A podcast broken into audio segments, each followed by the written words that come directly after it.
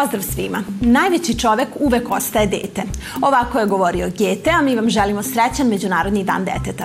Ja sam Zorana Nikoletić, a u večerašnjoj emisiji saznaćemo koliko je važno da proslavljamo dan deteta.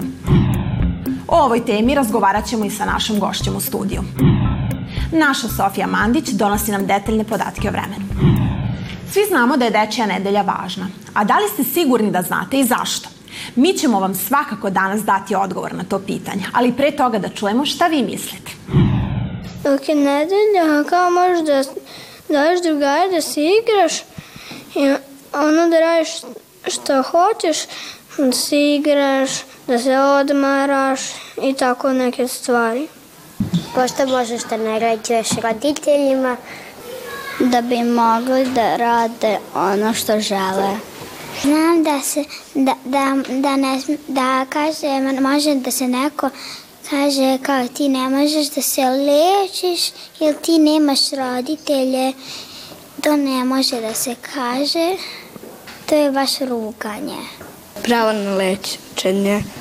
Na građanstvo nas vaspitanju ćemo učiti puno stvari lepih i svi, e, i svi vale e, e, da e, uče.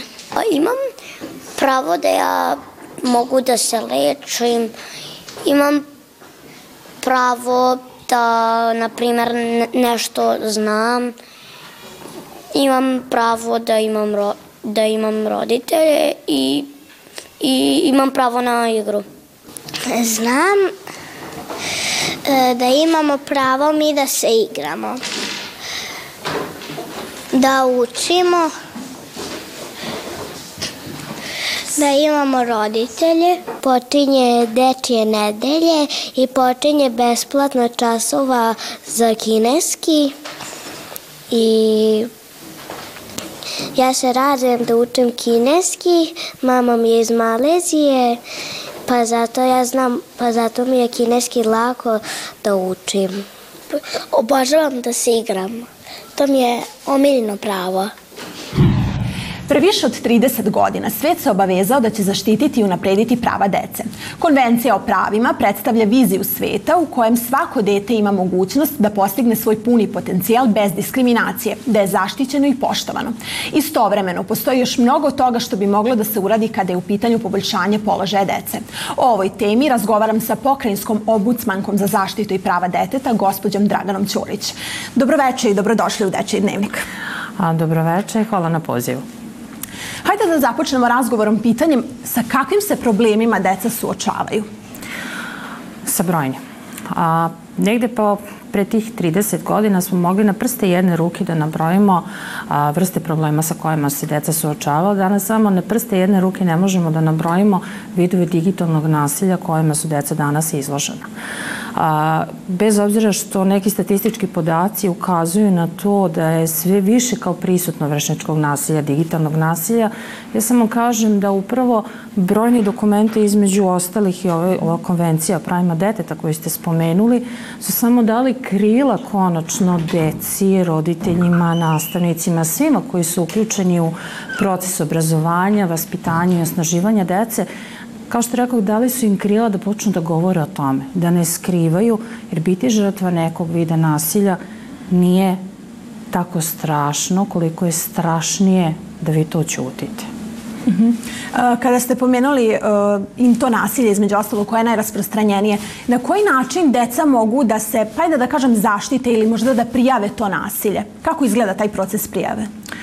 A, proces prijave vršnjačkog nasilja, konkretno kada govorimo o tome, se prvenstveno odvija u samim školama. Uvek postoje određeni stepeni prijeve, znači idete prvo prijavljujete razrednom starešini ili učiteljici, odnosno razrednom ove, e, razrednom nastavniku, dalje ima proces kako jete prijavljujete psihologu, pedagogu, direktoru škole, pokreću se određeni postupci i na kraju krajeva ako je u pitanju neki viši stepen nasilja, odnosno taj treći stepen nasilja koji je najteži, onda se uključuje takozvana spojna zaštitna mreža. To znači da će se to uključiti i policija, da će se uključiti i centar za socijalni rad, da se uključiti možda dom zdravlja i mnoge druge institucije, sve u korist najboljeg interesa deteta. Um, rekla bih, budući da vi pripadate ovim novim milenijalskim generacijama, vam je mnogo lakši digitalni vid prijeve nasilja, tako da bih a, sve vaše gledoci, gledateljke tog uzrasta uputila na platformu koju je napravila Republika Srbija, a to je Čuvam te. Tako da na toj platformi, dovoljno samo u Google to da se ukuca, možete doći i do načina kako ćete prijaviti putem dva, tri klika, veoma jednostavno i to će biti prosvećeno nadležnim organima. Nemojte se ustručavati, nemojte misliti da ste vi krivi zato što ste žrtva, prosto krivi uvek nasilnik koji vas je stavio u tu poziciju. Ne možemo da se ne setimo deca bez roditeljskog staranja i njihovog uopšte života. Kako biste vi ocenili njihov položaj sada, trenutno? Negde u nekom momentu kada odrastete, vi odete da stvarate sobstvenu porodicu, ali uvek imate onaj koran kome možete da se vratite. Deca koje su bez roditelja odrastala, bilo jednog, bilo možda nažalost oba, njima uvek nedostaje taj koren. Uvek im nedostaje to poreklo. I to je ona jedna jedna puzla u cijeloj onoj slagalici koju uvek nedostaje. Kad oni budu stvarali svoju porodicu, nešto će im nedostajati. Izuzetno su ranjiva kategorija i negdje im treba ukazivati veću pažnju, um, veću ljubav, veću empatiju, veće razumevanje za sve ono što oni prolaze i kako ima se oni nigde stvaraju i odrastaju. Bojim se da prosto diskriminacija jednostavno postoji kao jedan crni oblak iznad svakog od nas.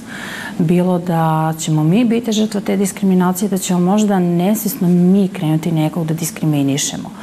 U svakom slučaju pozvala bi se vaše gledalce i gledateljke da u svakoj situaciji kada sumnjaju da su oni povređeni u nekom smislu, neko njihovo pravo, da je povređeno pravo neke druge osobe, sasvim je u redu da zaštititi nekog drugog, čak i ako niste vi lično u pitanju, a, da se obrate našoj instituciji, institucija pokrajinskog zaštitnika građana, ombudsmana se nalazi ovde u Novom Sadu na adresi Bulevar Mihajla Pupina 25 ili famozno DTD zgrada kod Mosta Duga, mislim da je tako bolje da kaže.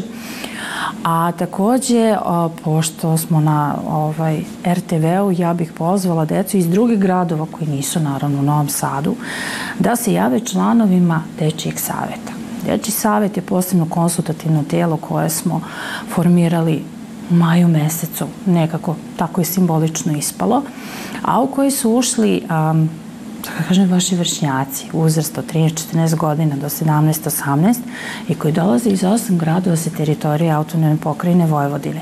Njihovo imena i mesta kojima se oni nalaze možete pronaći na njihovom sajtu potpuno su obučeni, možete im se javiti, prijaviti, rado će vas saslušati i preneti nam, ako već mislite da ne možete doći do nas, verujte, mi smo svakog dana tamo od 8 do 16 časova, prijemu prijave mailom, znate, to je onaj najbolji mogući način komunikacije za, vaš milen, za vas milenijalce i zaista smo jako ekspeditivni i svi smo tamo odani. Glavna misija to je upravo zaštita prava svih, a prvenstveno dece. Vama je negde najpotrebnija ta vrsta podrške. Za kraj ovog razgovora, koja je vaša poruka svim našim gledaocima povodom obeležavanja i dana deteta, ali i dečje nedelje? Koja bi bila poruka? Hm. Pa mislim da bi to bilo da i kada odrastete nikad nemojte da zaboravite ono dete u sebi.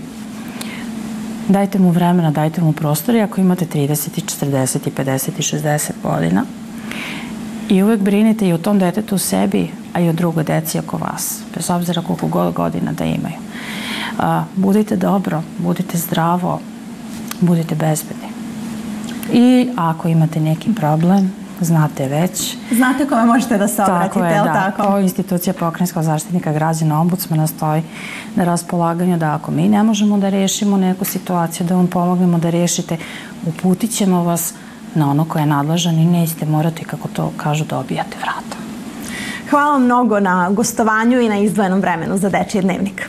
Hvala vama puno na pozivu i nadam se da ćemo se videti pred sledeći neki deči dan, neki dan deteta sa, sa nekim mnogo, mnogo boljim, boljim rezultatima. Tako je, sa mnogo boljim rezultatima. Hvala mnogo. Molim. Vreme je za vreme. Naša Sofija Mandić nam vedri i oblači u dečijem dnevniku. Hajde zajedno da saznamo kakvo vreme treba da očekujemo sutra.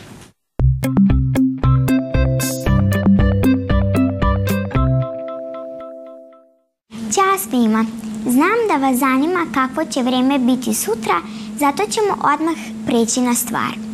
Ako je sudeći po informacijama koje ja imam, sutra treba da očekujemo pravi letnji dan, dakle mnogo sunca. Temperatura će biti oko 26 stepeni. Predlažem da sutra obučete kratke rukave kako se ne biste skuvali na putu do škole.